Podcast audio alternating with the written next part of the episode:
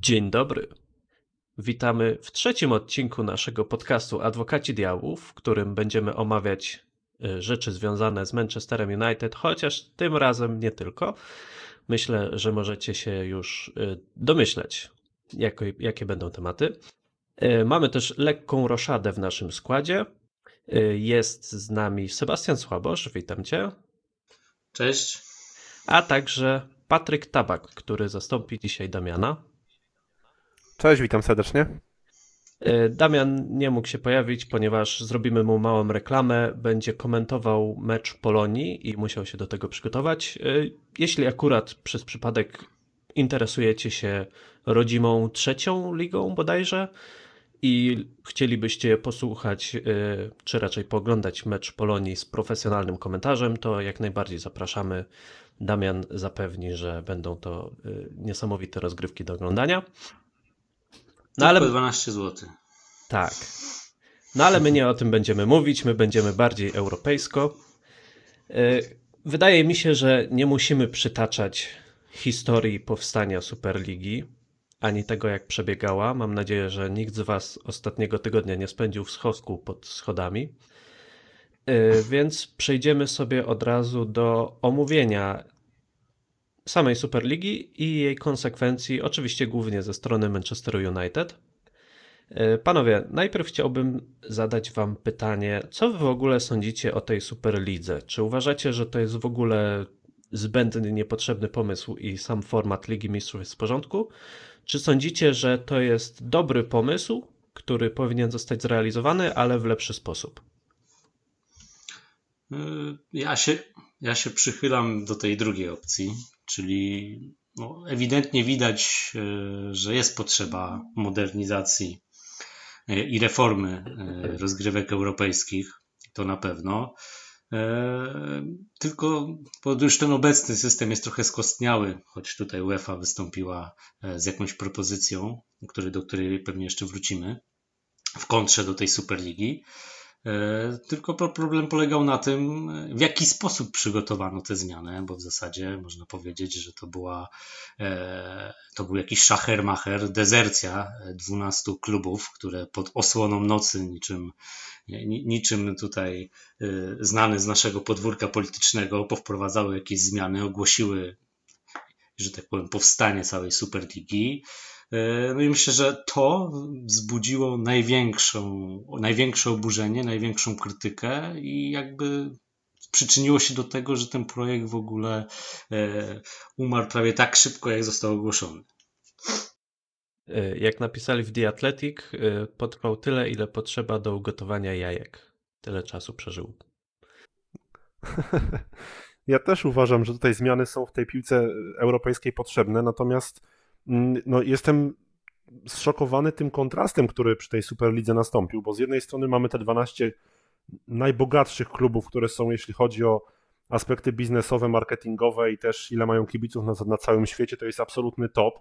No, a z drugiej strony mamy sposób ogłoszenia niezwykle amatorski, chciałoby się powiedzieć, bo jeżeli my wychodzimy z pomysłem zrewolucjonizowania piłki nożnej, bo ta piłka nie byłaby taka sama, i mamy szkielet nowych rozgrywek w postaci 15 stałych zespołów i 5 nowych, czy zmiennych, to pierwsze pytanie, jakie ktokolwiek zadaje, to powinno być, kto jest, jakby jakie są kryteria ustalania tych pięciu zmiennych zespołów, co spowoduje, że one się tam dostaną. Co klub ma zrobić, żeby do tej Superligi wejść? Tymczasem Florentino Perez dostaje to pytanie i on mówi, że nie wie. On mówi, że musimy to opracować, będziemy nad tym dyskutować, będziemy nad tym myśleć. No, jak to ma być poważne, jeżeli pierwsze pytanie, które się ciśnie, nie ma odpowiedzi? No, dla mnie to jest absolutna jakaś e, dziwna sytuacja i też coś, co mnie utwierdziło w takim przekonaniu, że to nie ma prawa wystartować, bo ja myślałem cały czas tak strasznie życzeniowo o tym.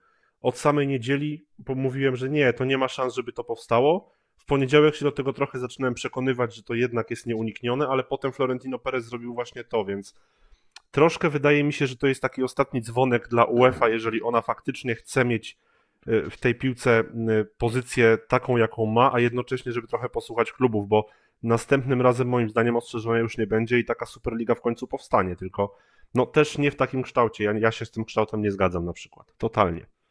No ja tylko dodam jeszcze do tego, co powiedział Patryk, bo się z nim oczywiście absolutnie zgadzam, że też pokazanie tych 12 klubów założycieli, gdzie mowa od razu było o 15, i nie wiadomo, które, które kluby miały tworzyć tą dodatkową trójkę, też pokazywało grotes, groteskowość całej sytuacji i przygotowania tego. No na pewno nie można mówić, że było to totalnie amatorsko przygotowane, no bo to na pewno było poprzedzone e, wieloma rozmowami, e, wieloma przygotowaniami, no powstały e, już jakieś struktury w zasadzie, tak, zarówno pod kątem prawnym, bo wiemy, że już pewne kluby głównie z Hiszpanii, poskładały do sądów odpowiednie papiery, aby e, przeciwdziałać ewentualnym konsekwencjom e, takiej roszady i ewentualnego wykluczenia na przykład z La Liga, tak, żeby nie było to możliwe, to samo z rozgrywek europejskich.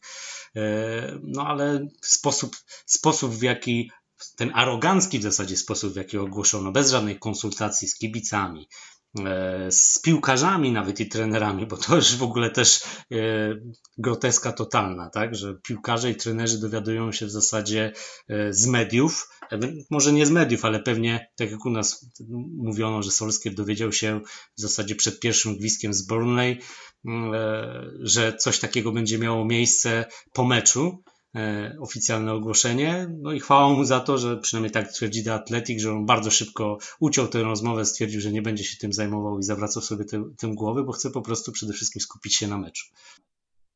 Właśnie to, co mówi tutaj, tutaj Sebastian. Ja sobie wyobrażam, że jak jestem Florentino Perezem i mam koło siebie 11 pewnych ludzi, którzy tworzą ze mną te rozgrywki, to ja z nimi siadam, mówię, słuchajcie panowie, pracowaliśmy nad tym parę lat, mamy coś, Teraz idziemy do zarządów, do, pre, do, do dyrekcji sportowej, do trenerów, do piłkarzy, rozmawiamy. Jestem bardzo ciekawy, czy, czy piłka, czy, czy Florentino Perez spodziewał się tego, że ataki na Superligę będą też pochodziły od wewnątrz. Przecież Pep Guardiola, Jurgen Klopp, Jordan Henderson też w oświadczeniu. No to jest naprawdę coś, coś tam nie zagrało ewidentnie. Poza tym nie zapominajmy o tym, że wyszło oświadczenie w niedzielę wieczorem ok, natomiast wystąpienie Florentino Pereza było o północy w programie rozrywkowym w Hiszpanii. To nie był program merytoryczny. Oczywiście tam są, pojawiają się fajni goście, ale generalnie e, Chilling to jest program, gdzie dziennikarze się wygłupiają, gdzie często śpiewają, tańczą.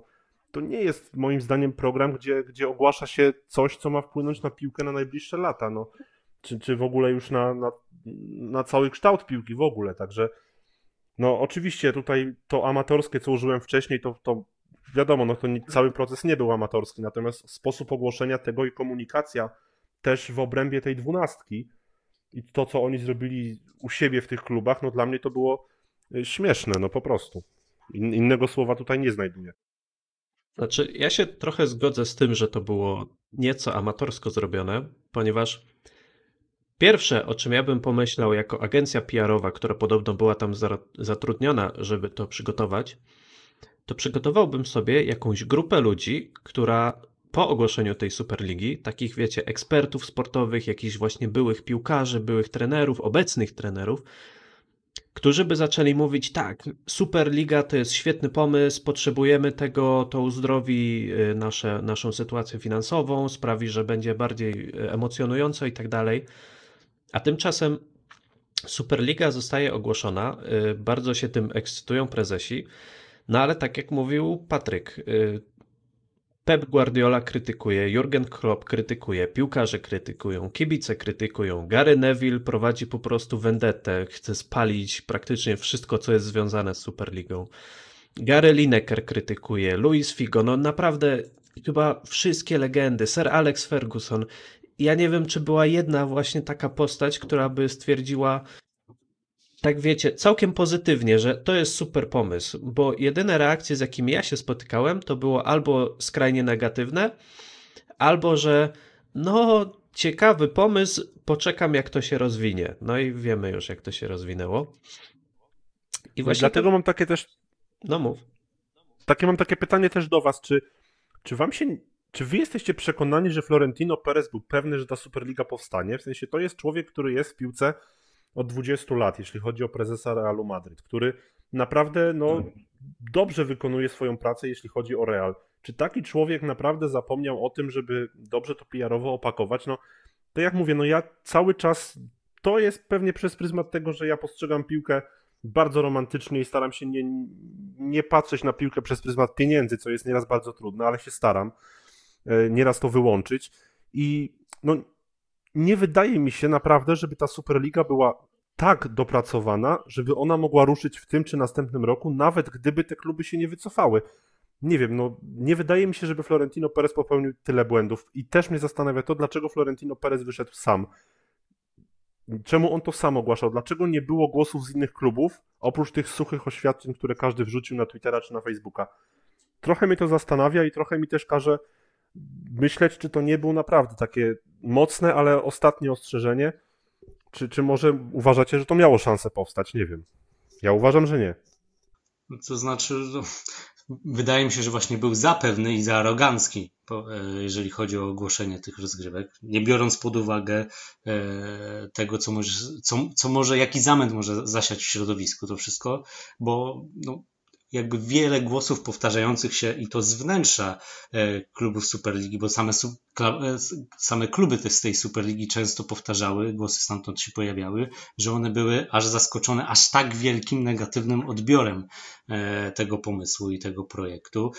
Ja też przyznaję, że jak pierwszy raz to ogłoszono i w jaki sposób to ogłoszono, e, wydając ten komunikat i tą dość szczątkową, e, trzeba przyznać, dość amatorską e, formę przekazania na zasadzie, jakiej miał, na jakiej zasadzie miałyby te rozgrywki działać, jakie zasady miałyby tam obowiązywać wewnątrz, tak?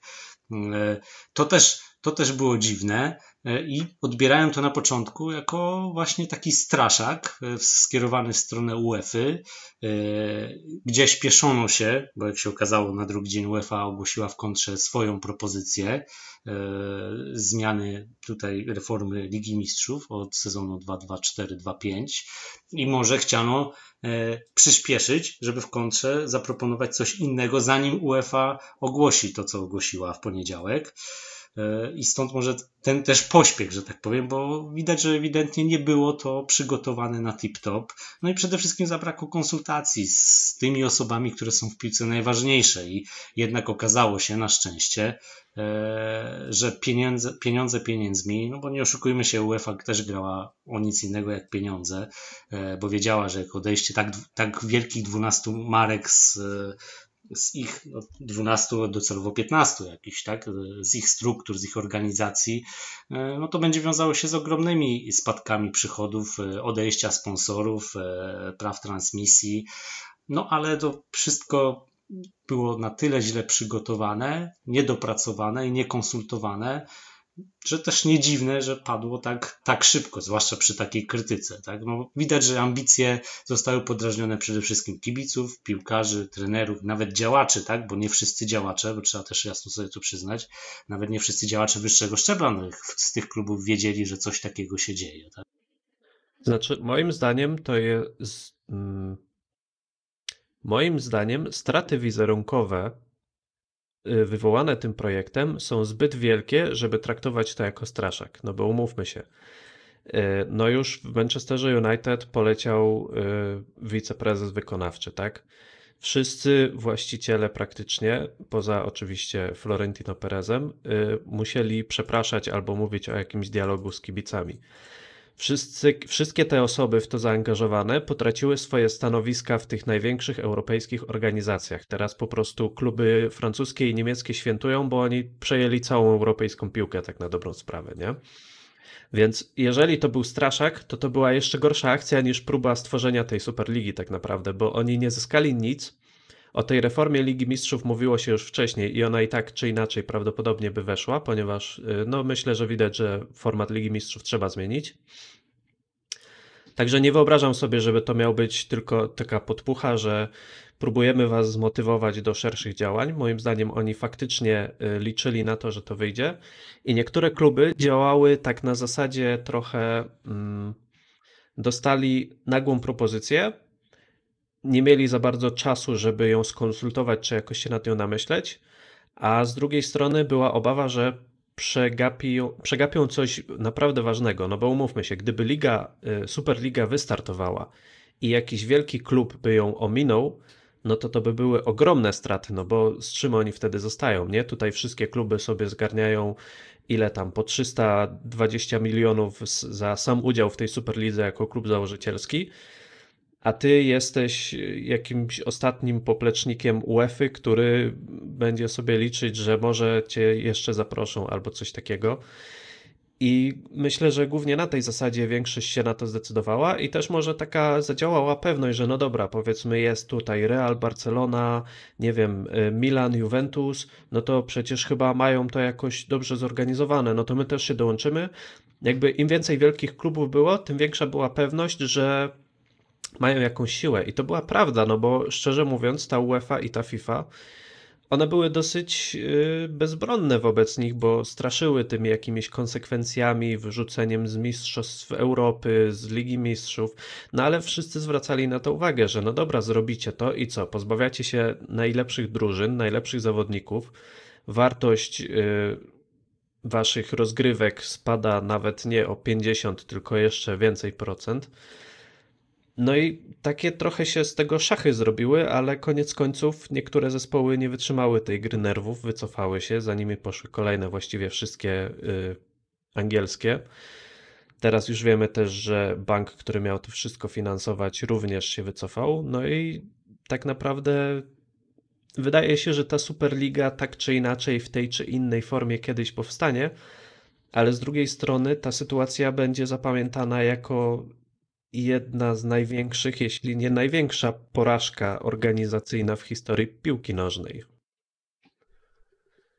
A mnie naprawdę ciekawi, jak ta Superliga y, faktycznie miałaby wyglądać i już tak dywagując, bo to, to teraz to się nie, nie stanie. Natomiast Superliga, no nie ukrywajmy, tam chodzi o pieniądze. Ja się tego bałem, że po prostu jak Superliga powstanie, to my zobaczymy po prostu spektakl. Siądziemy przed telewizorem, oni wyjdą, pobiegają, może strzelą bramkę dwie i zejdą i wszyscy są zadowoleni. Natomiast tam chodzi po prostu o pieniądze. I jeżeli mamy 15 stałych drużyn, które mają miliardy kibiców, miliony, no miliardy pewnie już niektórzy, niektórzy też, kibiców na całym świecie i za nimi stoją ogromne pieniądze, bo do nich płacą. Mamy te pięć drużyn zmiennych, że niby miały to by być drużyny, które y, jakoś się zasłużą, nie wiem, będą miały dobre wyniki. Natomiast pytanie, no, jakie te wyniki miałyby być? No bo ja sobie wyobrażam, że jeżeli mamy w Superlidze, hipotetycznie tam dokładając może, że PS, żeby się w końcu zdecydowało, czy Bayern, to mamy te top 5 lig. No wypadałoby zaprosić kogoś, kogoś z zewnątrz. Natomiast czy jeżeli Braga by wygrała Mistrzostwo Portugalii, albo Alkmaar Mistrzostwo Holandii, to czy oni by zostali zaproszeni? To też nie miało prawa działać, no bo jednak Ajax a Alkmaar, no to nie porównujemy w ogóle. Nawet podejrzewam, że jakby PSW wygrało Mistrzostwo Holandii, to by się tam nie dostało. Nie wspominając o Bradze, gdzie jest Sporting Porto i, i, i Benfica.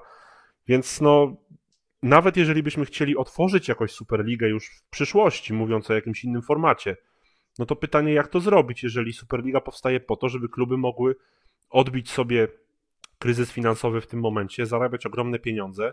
Jeżeli za kluby takie mniejsze, nazwijmy to, które i tak mają dobre wyniki, ale są mniejsze marketingowo i biznesowo niż te wielkie, i takich nie, nie chcemy przyjąć, no to to, jak, jak, jak ją otworzyć, skoro to jest moim zdaniem z charakteru liga zamknięta, bo, bo nie, nie wygenerujemy takich pieniędzy, jeżeli zaprosimy mniejszych, po prostu.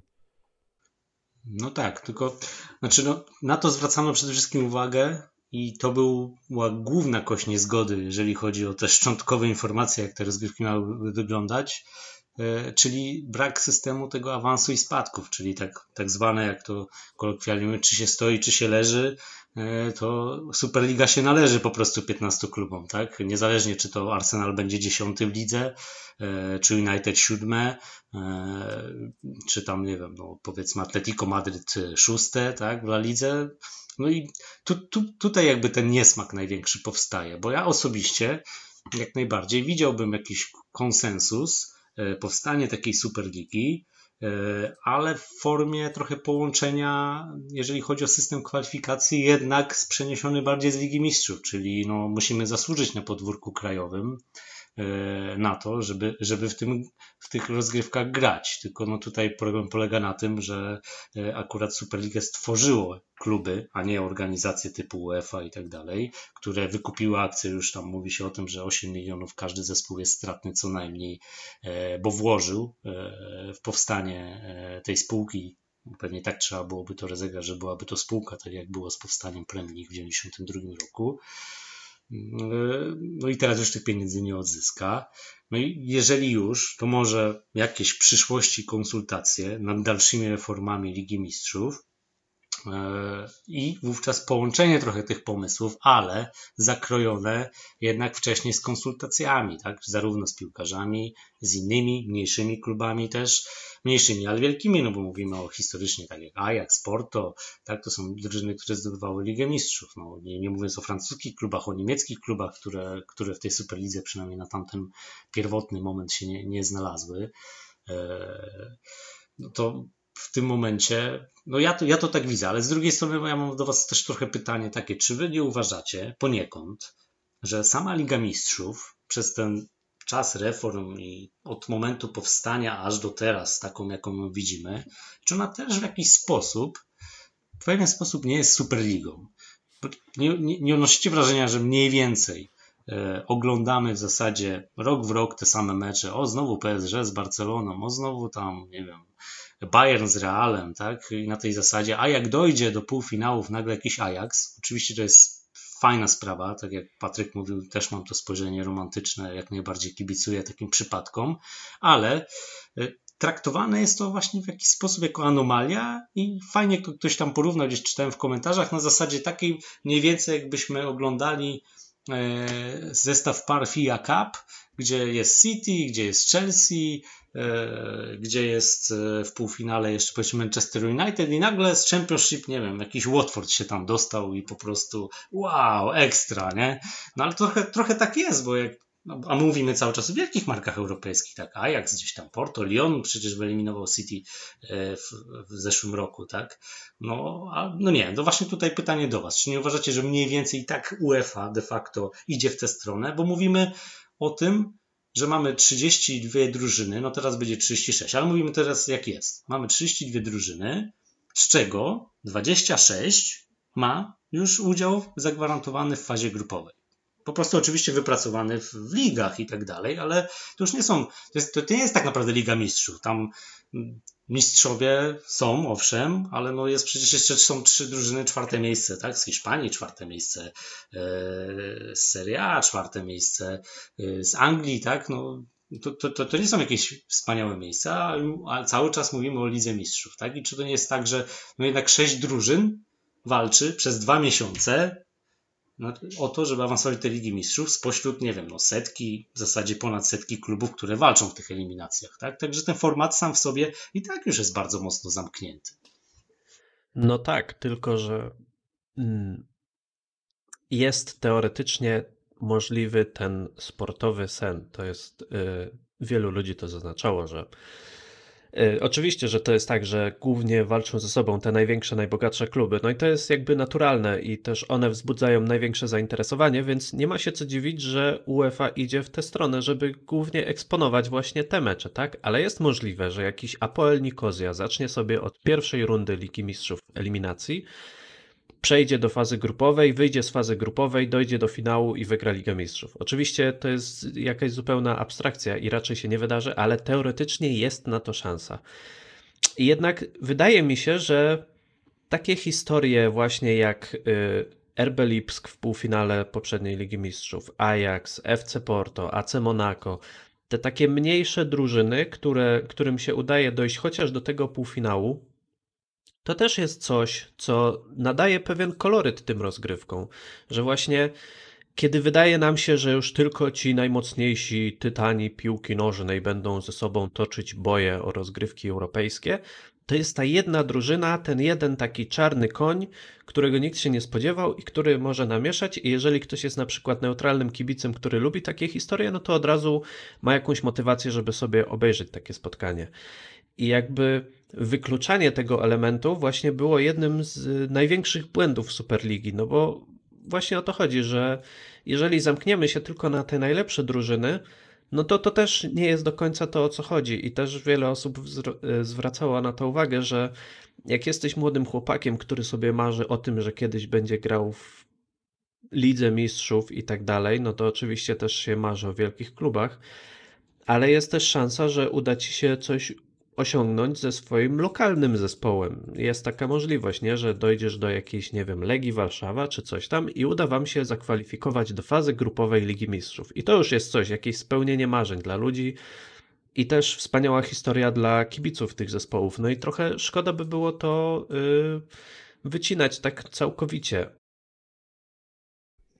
Ja, ja na przykład odnoszę wrażenie właśnie, że tak naprawdę co sezon w Lidze Mistrzów jest jakaś fajna przygoda. Czy to, tak jak wspomniałeś, Paweł Monaco, czy w tym momencie Porto. Wiadomo, e, ćwierćfinał w Lidze Mistrzów, no to nie, nie trzeba przebyć super drogi, w sensie, no tutaj chodzi o to, Porto miało e, akurat w jednej ósmej finału Juventus, wielki sukces, ale w grupie miało Olympiakos i Marsylię, więc gdzieś tam e, wyjść z tej grupy jak najbardziej mogli ale wcześniej mieliśmy ćwierćfinale Ligi Mistrzów Leicester City, które przecież miało fantastyczny, fantastyczny sezon w Premier League i potem ćwierćfinał Ligi Mistrzów, gdzie naprawdę nie odstawali i bodajże przegrali 0-1 i zremisowali 1-1 z Atletico. E, więc wcześniej, jeszcze wcześniej, przecież Apoel Nikozja był w ćwierćfinale Ligi Mistrzów, jeszcze kiedy ta nie była tak zamknięta, bo przecież na początku, wtedy kiedy Jurgen Klopp bodajże miał pierwszy pełny sezon w Liverpoolu, to on jeszcze grał w eliminacjach Ligi Mistrzów, bo czwarte miejsce jeszcze dawało ta eliminacja, a nie pewny udział. Więc no ta Liga Mistrzów się zamyka faktycznie, bo my mówiliśmy, że no w tej Lidze Mistrzów, w tej Superlidze mieliby pewne miejsca, natomiast no tak sobie patrzę, tak, Bayern poza Ligą Mistrzów, no nie bardzo, Juventus, PSG, Barcelona, Real, Atletico, nie wyobrażam sobie ich poza Ligą Mistrzów, Manchester City, nie bardzo, to już jest siedem zespołów paradoksalnie, chociaż wiadomo, żyjemy taką ułudą, że każdy może mieć szansę na Ligę Mistrzów, to i tak są, są drużyny, które wiadomo, że będą grały w tej Lidze Mistrzów w tym sezonie i w następnym i pewnie jeszcze w następnym. Więc te drużyny, no i tak dzięki temu, jakie, jakimi są markami, to i tak ten, ten pewny udział mamy, choć oczywiście w teorii pewny nie jest. Więc y, ta Liga Mistrzów też jest zamknięta. Natomiast tutaj jest to mimo wszystko połączenie, że ten mniejszy zespół też może przeżyć super przygodę, bo chociażby na polskim podwórku Legia 3-3 z Realem, czy, czy wygrana ze Sportingiem awans, awans do Ligi Europy. Zresztą często w Lidze Mistrzów zdarzają się takie grupy, że się śmiejemy, że to jest grupa Ligi Europy. A to jest właśnie też szansa dla takich właśnie mniejszych drużyn, których w Superlidze by w ogóle nie było, żeby one przeszły dalej. Natomiast tu pojawia się pytanie, no kto ogląda takie spotkania, no bo Superligę nie, nie kierujemy do takich romantyków, którzy sobie chętnie popatrzą na takie mecze, tylko kierujemy jednak do, do takiego kibica postrzeganego jako masę bardziej. No, a masa raczej obejrzy spotkanie hitowe. No, te drużyny wielkie, jak sobie przypominam, taką typową grupę w tym sezonie, chyba w Lidze Mistrzów, która do tego pasuje, to jest grupa Barcelona, Juventus, Ferencvaros i Dynamo Kijów, gdzie chyba obie te drużyny, Barcelona i Juventus, jechały do Kijowa czy na Węgry z takim tylko przeświadczeniem, żeby pojechać, zapomnieć, nie mieć kontuzji i wrócić. Też wątpię, że mecze Ferencvaroszu z Dynamem Kijów miały jakąś wielką oglądalność. Obie te drużyny, które miały wyjść z grupy, wyszły, wygrały wszystkie mecze, tylko się podzieliły między sobą po jednym zwycięstwie. Więc no, tutaj też jest pytanie właśnie, jak to pogodzić, bo rozumiem z jednej strony też intencje tych klubów, które jednak jak mają grać w Lidze Mistrzów, to chciałyby zarobić i grać o większe pieniądze niż są do podniesienia, bo to jak UEFA dzieli te pieniądze, to jest też e, inna sprawa. Natomiast no, ta Superliga po prostu całkowicie by nas tych niespodzianek pozbawiła, bo no co z tego, mamy pięć drużyn tylko wymiennych miało być, no to za, na, w następnym sezonie też byłbym ciekawy. Ktoś z tej piątki kończy powiedzmy, nie wiem, na szóstym miejscu w tej w jednej z tych grup Superlidze i co, i spada, bo, bo ma być piątka nowych, no totalnie tego nie kupuję, bo w Mistrzów co sezon są jakieś niespodzianki i, i przecież Roma jeszcze, która wyrzuciła Barcelonę, no, no mi, mnie po prostu serce rośnie, jak tą Ligę Mistrzów oglądam, mimo że wiem, że ten format nie działa jakoś tak, jakby mógł działać, ale ten format moim zdaniem gwarantuje takie właśnie niespodzianki co, co sezon i, i zresztą możemy je widzieć, więc ja z tego jestem zadowolony. Znaczy, ja bym chciał y, jedną rzecz zaznaczyć, bo zauważyłem, że ta dyskusja czasem wchodzi na takie tory, że jest y, problem z zarobkami tych wielkich klubów, że one nie zarabiają tyle, ile by mogły i tak dalej, że tam wiadomo, Florentino Perez mówił w ogóle o tym, że y, piłka nożna umiera.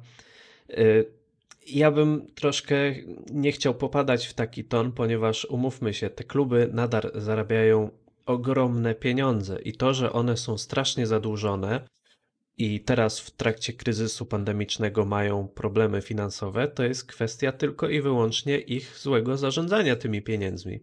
Ponieważ spójrzmy sobie na najprostszy przykład. Tottenham, który jest zaproszony do Superligi, dzień później zwalnia Jose Mourinho, czyli musi mu wypłacić odszkodowanie za zerwanie kontraktu i jeszcze spłacić jego kontrakt do końca.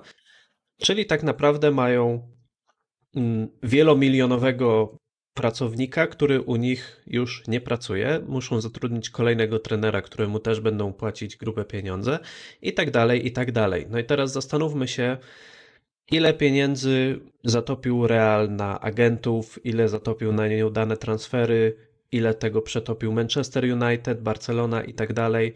Jakby o tym mówił y, y, Heinz Rummenigge, że na problem, y, znaczy jakby rozwiązaniem problemów finansowych klubów nie jest dawanie im jeszcze więcej pieniędzy, żeby jeszcze więcej mogli przetopić tej kasy, tylko jest właśnie ograniczenie wydawania tych pieniędzy. I moim zdaniem w tą stronę powinniśmy iść, i dlatego podobał mi się pomysł, że jeżeli robimy Superligę, to powinniśmy oddać organizację tego w ręce niemieckich działaczy, ponieważ oni prawdopodobnie byliby to w stanie zrobić w taki sposób, żeby to miało ręce i nogi zarówno y, z sportowego punktu widzenia, jak i finansowego punktu widzenia. To znaczy, te kluby mogłyby zarabiać tak, żeby nadal były najlepszymi i najbardziej dochodowymi klubami na świecie, a jednocześnie nie mówilibyśmy o jakichś już naprawdę obrzydliwych rzeczach, no bo jak wiemy, format Superligi w ogóle wyglądał tak, że sam udział klubu założycielskiego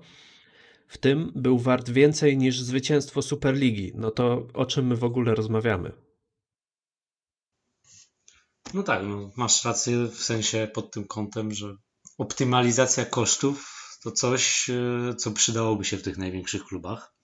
E, poniekąd, na szczęście, w modelu amerykańskim, jakkolwiek byśmy tutaj Glazerów e, nie lubili, czy nie, nie darzyli jakąś sympatią, no, ma, ma, ma trochę dryk taki w kierunku jednak tego niemieckiego modelu. Owszem, u nas polega problem z tym zadłużeniem tylko na tym, że kupili nas właściciele, których po prostu zwyczajnie nie było na to stać. W sensie takim, żeby wyłożyć te pieniądze od razu i dlatego trzeba spłacać pożyczkę, która została zaciągnięta z wykupu lawerowanego tutaj w 2005 roku.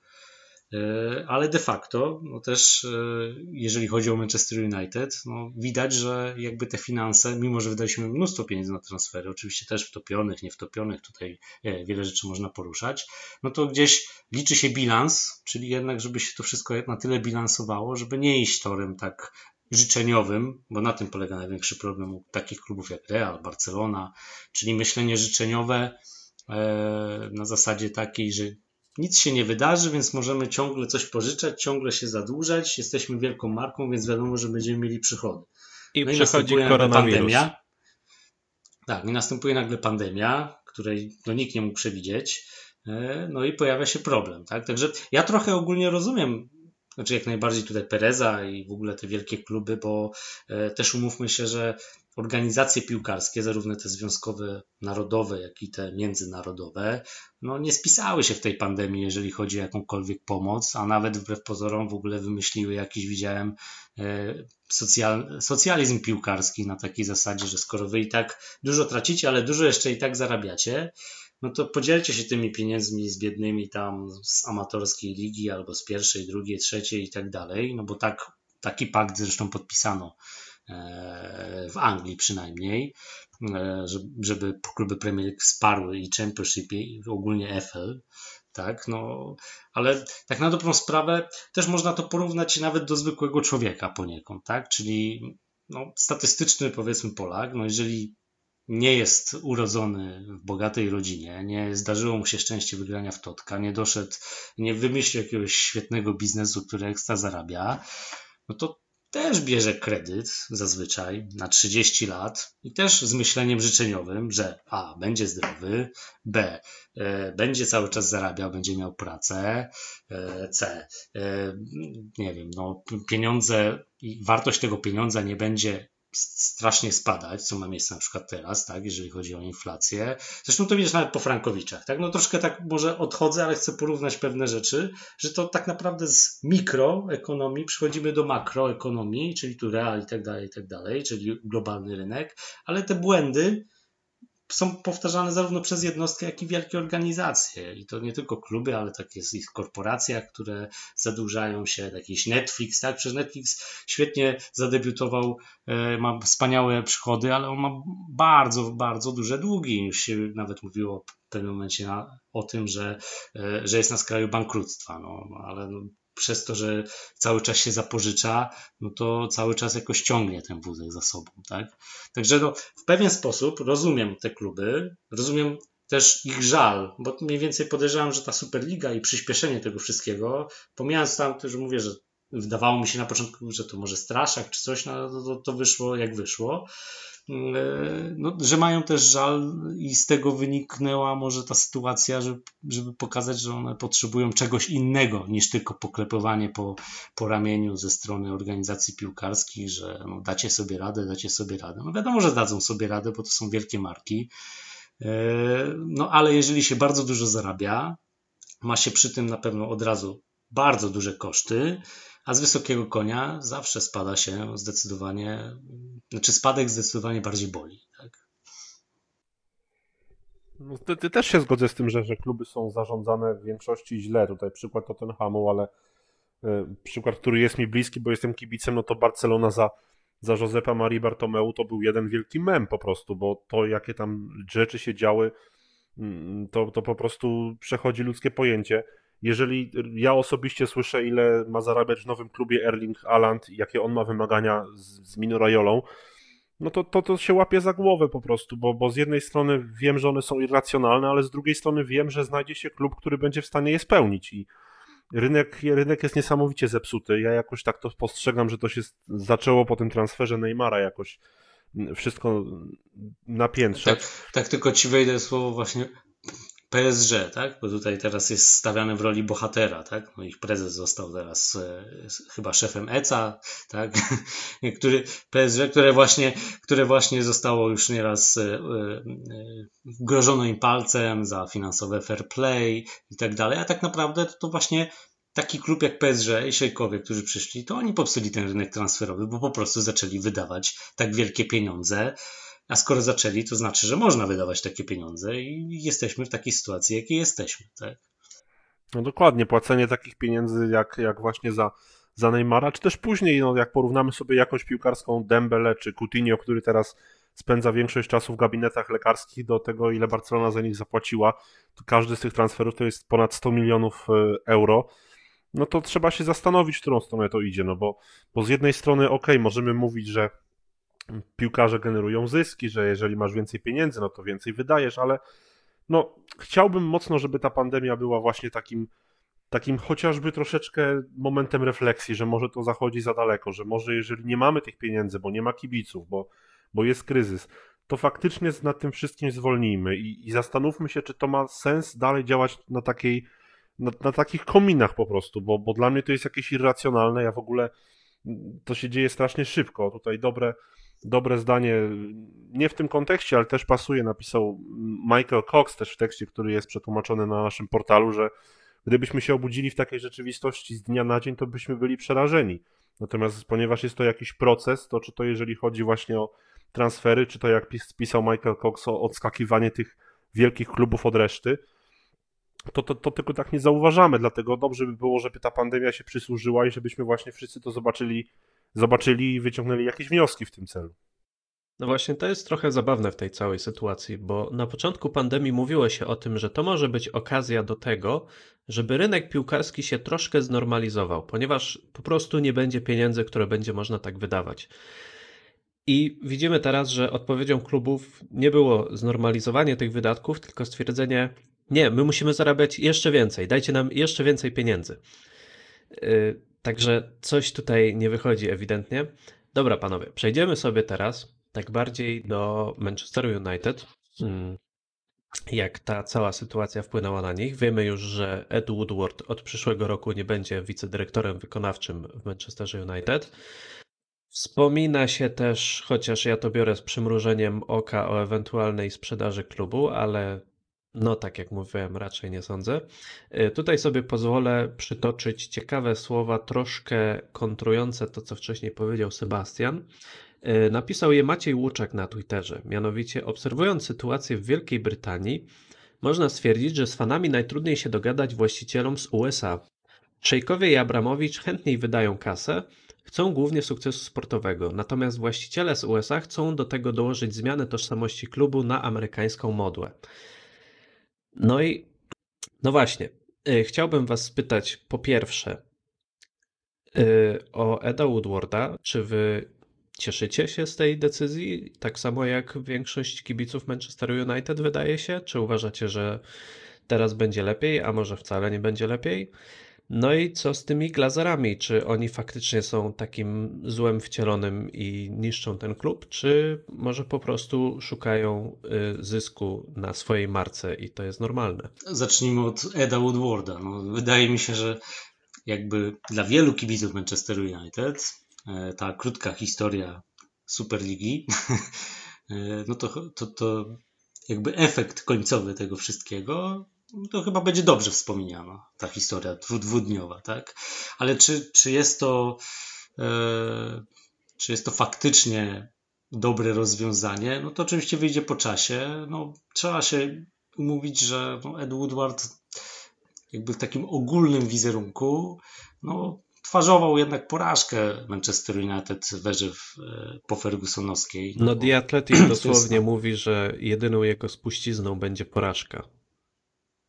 No, no właśnie, no dlatego, dlatego to na tym polegał mniej więcej problem, że to właśnie Ed Woodward e, wychodził do kibiców, wychodził do akcjonariuszy e, i co kwartał mówiąc o tym, jak dobrze się spisujemy finansowo, e, a wiadomo o co chodzi kibicom i czego oczekują kibice. No, finanse fajna rzecz, ja akurat podzielam, że warto, żeby te finanse były zdecydowanie bardziej zdrowe niż na przykład takim Realu czy Barcelonie.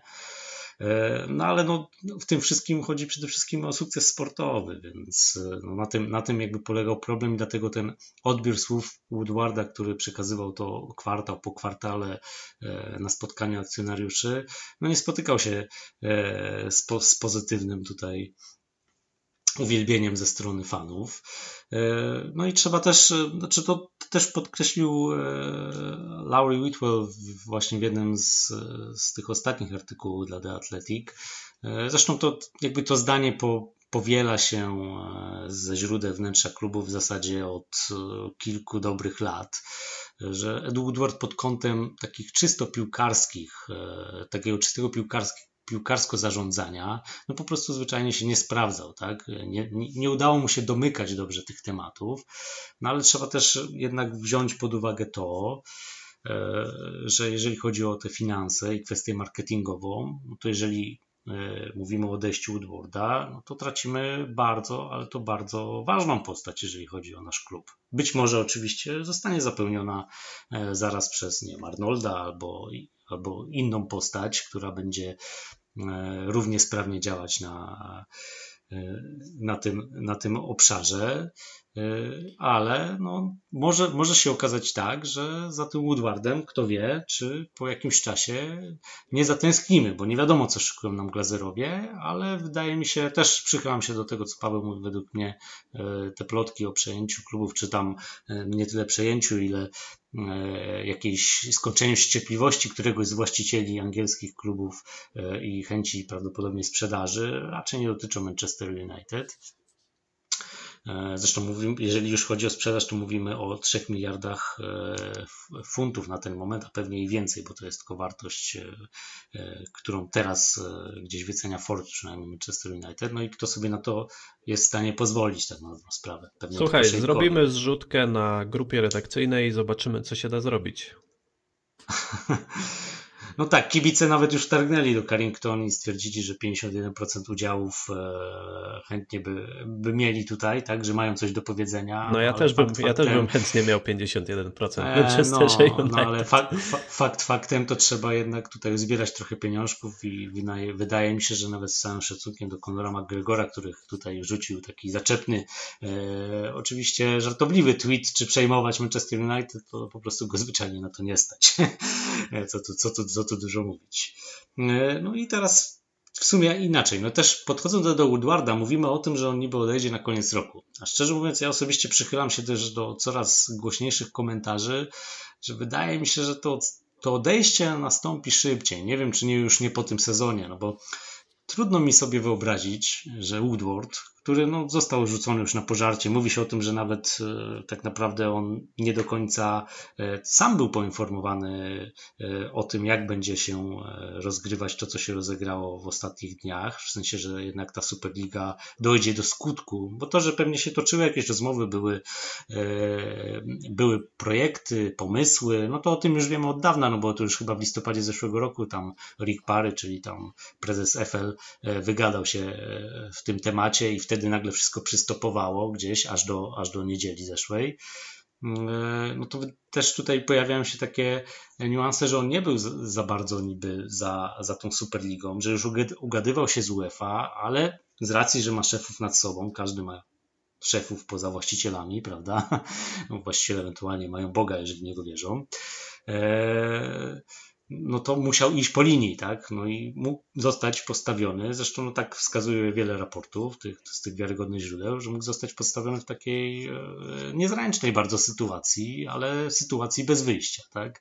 I też sobie nie wyobrażam, że po tak spektakularnej porażce e, tych 12 klubów, w tym Manchester United i rozwiązaniu tej Superligi po dwóch dniach, E, no, że Woodward gdzieś będzie się przewijał przez kolejne 8 miesięcy w Manchesterze United. No myślę, że jakby już i on i tak już miał tak negatywny odbiór e, w większości środowiska tutaj kibicowskiego, E, a co dopiero teraz, tak? No, chyba, że usunie się tak naprawdę bardzo w cień, w ogóle nie będzie się wypowiadał, nie, nie będzie się nigdzie pokazywał, już zajmie się tylko, że tak powiem, odcinaniem kuponów, bo, bo tak długa jest odprawa i tak duża jest odprawa, jeżeli chodzi o jego kontrakt, tak? Czy jeżeli chodzi, chodzi o mnie, to, to ja się cieszę z odejścia Eda Woodwarda, bo dla mnie, to, dla mnie on się stał, stał z takim symbolem tej ery postfergusonowskiej, tylko że tej ery takiej przed Solskierem mimo wszystko, bo ja uważam, że od Solskiera notujemy bardzo fajny ligowy progres, natomiast wydaje mi się, że to jest dobre, dobre spięcie mimo wszystko. Kończy się pewna, pewna era. Dobrze byłoby ten okres faktycznie zamknąć, bo oczywiście Ed Woodward, jeśli chodzi o aspekty finansowe, biznesowe, to jest naprawdę, naprawdę Manchester United jest w czołówce pod tym względem i, i tych zasług nie można mu odbierać, natomiast sportowo to nie wyglądało dobrze i teraz też trzeba wziąć pod uwagę, tutaj strasznie bardzo mi brakowało dyrektora sportowego. Teraz ta saga się w końcu zakończyła, natomiast troszkę mnie nie dziwi mimo wszystko, że Ed Woodward na polu sportowym poniósł klęskę, no bo jeżeli jesteś, tak się mówi, no jeżeli znasz się na wszystkim, to nie znasz się na niczym. No jeżeli Ed Woodward dobrze sobie radził też, też finansowo i, i tutaj pod tym względem faktycznie wszystko funkcjonowało dobrze, no to troszkę się nie dziwię, że w tym sporcie nie podejmował dobrych decyzji sportowych. Nie wiem, czy wy macie takie wrażenie. Ja często miałem takie wrażenie, że te ruchy, e, czy to jak się ten Ed Woodward zachowuje podczas różnych e, takich e, akcji transferowych, negocjacji, ściągania poszczególnych zawodników, że on właśnie myśli w takich kategoriach biznesowych właśnie, a nie, tych sportowych, więc moim zdaniem to wyjdzie na dobre. Oczywiście można dywagować, czy, czy będzie lepiej, czy będzie gorzej na polu finansowym, natomiast też trzeba trzeba wziąć pod uwagę, że, że kiedyś ta zmiana jest, będzie potrzebna. Ed Woodward pracował w klubie 16 lat, bodajże na tym, na, na tym stanowisku od praktycznie odkąd, odejść, odkąd odszedł Sir Alex Ferguson, więc pewien cykl się kończy, ale ja jestem naprawdę pełen, pełen optymizmu, jeśli chodzi o przyszłość, bo sportowo to wygląda coraz lepiej. Moim zdaniem w ogóle najlepszą decyzję, jaką Ed Woodward podjął, to było wtedy, kiedy nie robił nic, czyli pozwolił Olegu Narowi Solskierowi kontynuować pracę, nie że to Mauricio Pochettino, tylko zostawił Solskiera i teraz moim zdaniem wyjdziemy na tym na dobre, więc pewien cykl się kończy, ale dla mnie to jest szansa na coś nowego, a nie rozpamiętywanie tego, że, że Woodward miał dobre cyferki i tak dalej, bo wydaje mi się, że i tak będziemy te dobre cyferki mieć ostatecznie.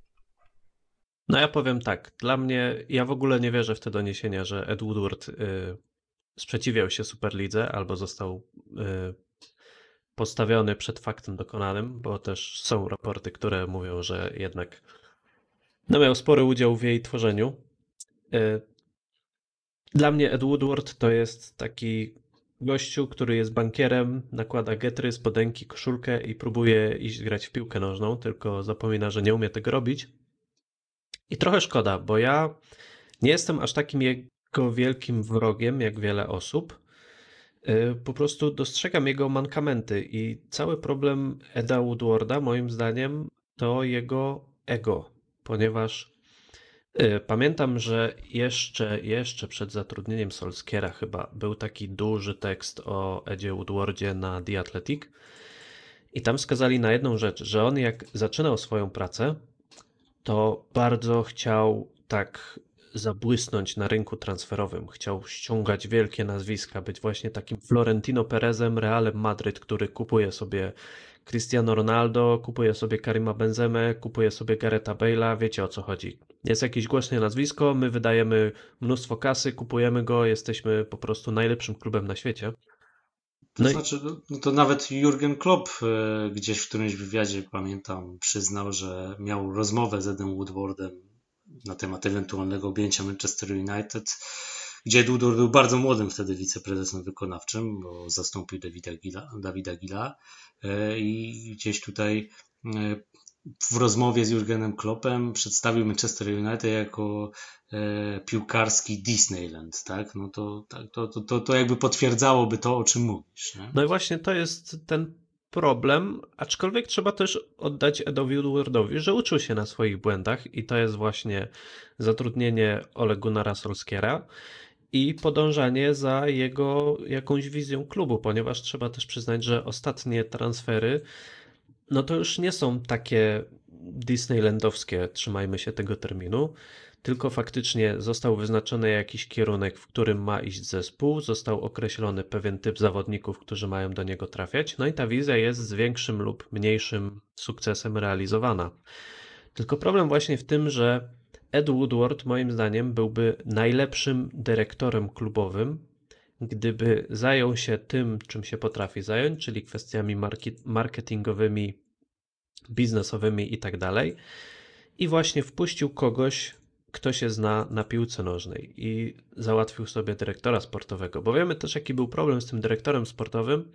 To znaczy, że on jest, nie wiadomo czy teraz będzie, w każdym razie taką y, dosyć osobą, która nie ma za dużego wpływu na to, jakie decyzje są tak naprawdę podejmowane, bardziej takim ciałem doradczym by był. I przez to mam wrażenie, że też wielu dobrych dyrektorów sportowych umknęło Manchesterowi United. I teraz sobie wyobrażam właśnie, że mamy tego Eda Woodwarda, który ogarnia tą biznesową stronę, po prostu pilnuje, żeby kasa cały czas płynęła i żeby klub miał co wydawać. Mamy jakiegoś gościa, który pilnuje tego, żeby te pieniądze były wydawane na odpowiednich zawodników. No i wtedy kreuje się nam jakiś po prostu oczywiście wyidealizowany, ale całkiem sprawny system piłkarski, tak? Do tego mamy jakiegoś trenera, no powiedzmy, że tego Solskiera, który właśnie ma tę swoją wizję, konsultuje ją z dyrektorem sportowym, tam sobie ustalają, że teraz by się przydał ten Jadon Sancho, bo mamy dziurę na prawym skrzydle. No i wtedy by to fajnie wyglądało. A tak to ten Ed Woodward cały czas próbował właśnie troszkę zabłysnąć na tym rynku piłkarskim. Moim zdaniem Superliga jest też efektem tego, że chciał w ogóle zabłysnąć w piłce nożnej. Oczywiście to nie jest tak, że on sam to zrobił czy coś takiego, ale brał w tym czynny udział. No i kończy się jak się kończy, że właśnie będzie pamiętany jako, jako porażka w tym klubie. I trochę mi szkoda, bo ja jednak czuję w nim trochę człowieka, też y, przetłumaczyłem parę tekstów na jego temat i ja nie wątpię w to, że on naprawdę chciał, żeby Manchester United był klubem piłkarskim, sportowym, który jest cały czas w czołówce, że jest klubem, który nawiązuje do czasów Sir Alexa Fergusona, znowu znajduje się w finale Ligi Mistrzów, dominuje Ligę Angielską. No, mało to jest prawdopodobne, ale ja naprawdę wierzę, że on tak chciał po prostu z różnych powodów kto wie, może to faktycznie nie tylko jego wina, może on miał po prostu pewne wytyczne od glazerów.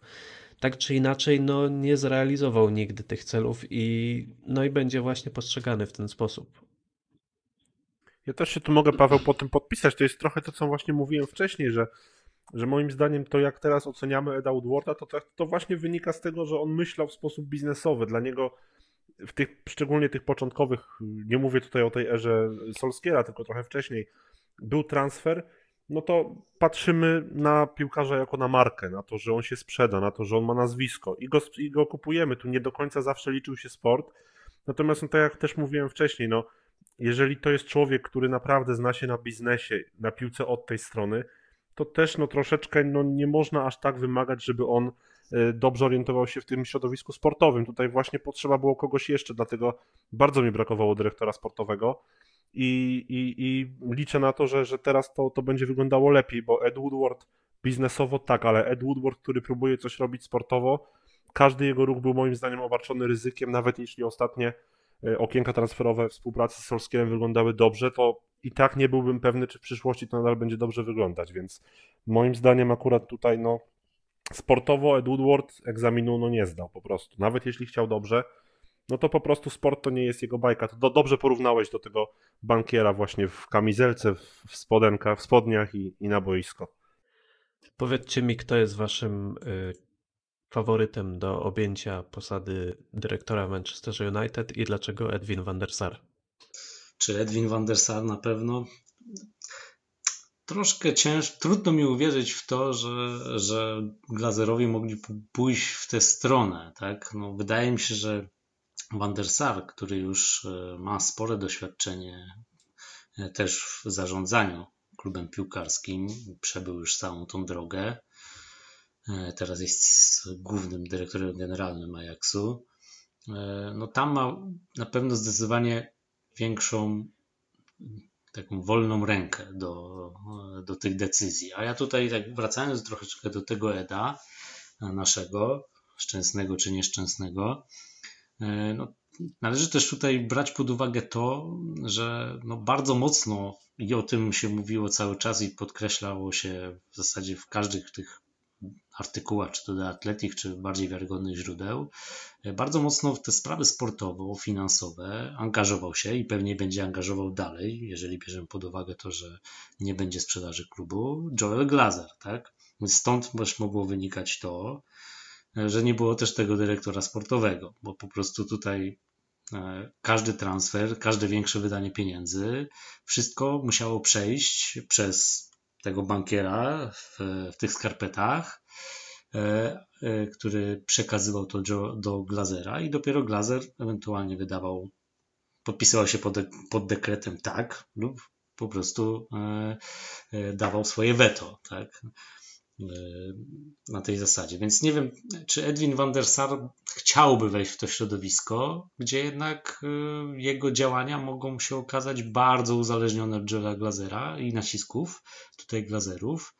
E, I i nie będzie miał takiej wolnej ręki, tak? No bo na tym chyba polega największy problem, jeżeli chodzi o ściąganie tych najlepszych specjalistów, bo ja nie mówię, że bym ich chętnie też nie widział, jak takiego dyrektora sportowego, tak? Ale tutaj przynajmniej też się mówiło w kularach wiele razy, że gdzieś wielu z tych specjalistów e, odmawiało, czy gdzieś już rezygnowało z dalszych ewentualnych rozmów, bo wiedziało, że nie będzie miało takiej swobody do działań, jaką, jaką mie chcieliby mieć, jak, jakie ambicje mają do tego.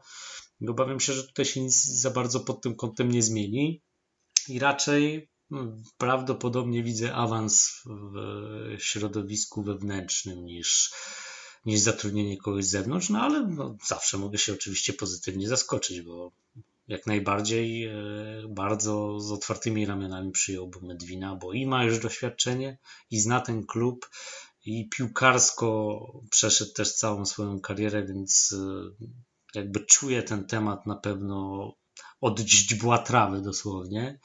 E, i to byłoby super, ale no bardziej wydaje mi się, że nagle się okaże, że, że może Murtoch dostanie e, jeszcze większą, e, jeszcze większą tutaj rolę w klubie, a może główny prawa ręka Eda Woodwarda, czyli Matt Judge, który negocjował do tej pory umowy, a może Richard Arnold, który teraz ponoć świetnie zastępuje Woodwarda właśnie w tych kwestiach sponsorskich e, i, i będzie mu się tutaj szykował awans, tak? Także no, zobaczymy, co przyniesie oczywiście przyszłość, ale ja raczej bym się skłaniał ku temu, że, że tutaj po prostu nastąpi roszada, wymiana nazwiska, a sam system e, i działanie tych, tych struktur pozostanie mniej więcej bez zmian.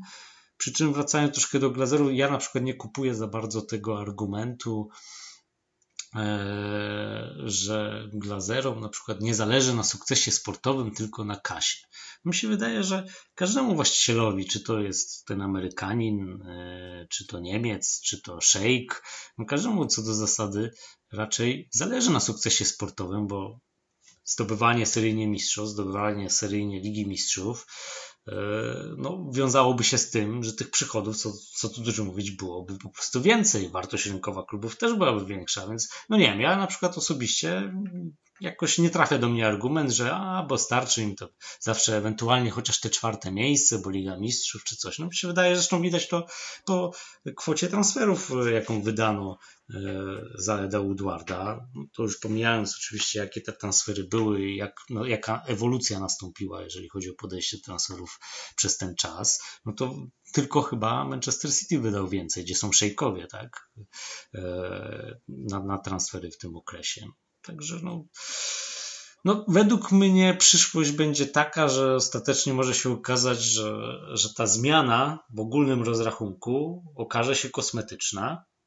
No chyba, że ta osoba będzie bardziej czuła, ta z wewnątrz, jakby została mas, będzie bardziej czuła też kwestię sportową. Ale czy na pewno, no co do zasady mamy jednak strukturę korpo i nastawienie na biznes. No, nie, nie oszukujmy się, tak to wygląda. Od, zresztą mamy no to Manchester United notowany na giełdzie, więc yy, więc może się okazać, że nagle spotkamy się za, za rok, za dwa i będziemy narzekać, a ten Udwar był taki, a ten to też jeszcze taki i nijaki i w sumie niewiele się zmieniło. No by nie, mam nadzieję, że nie, no ale może tak być.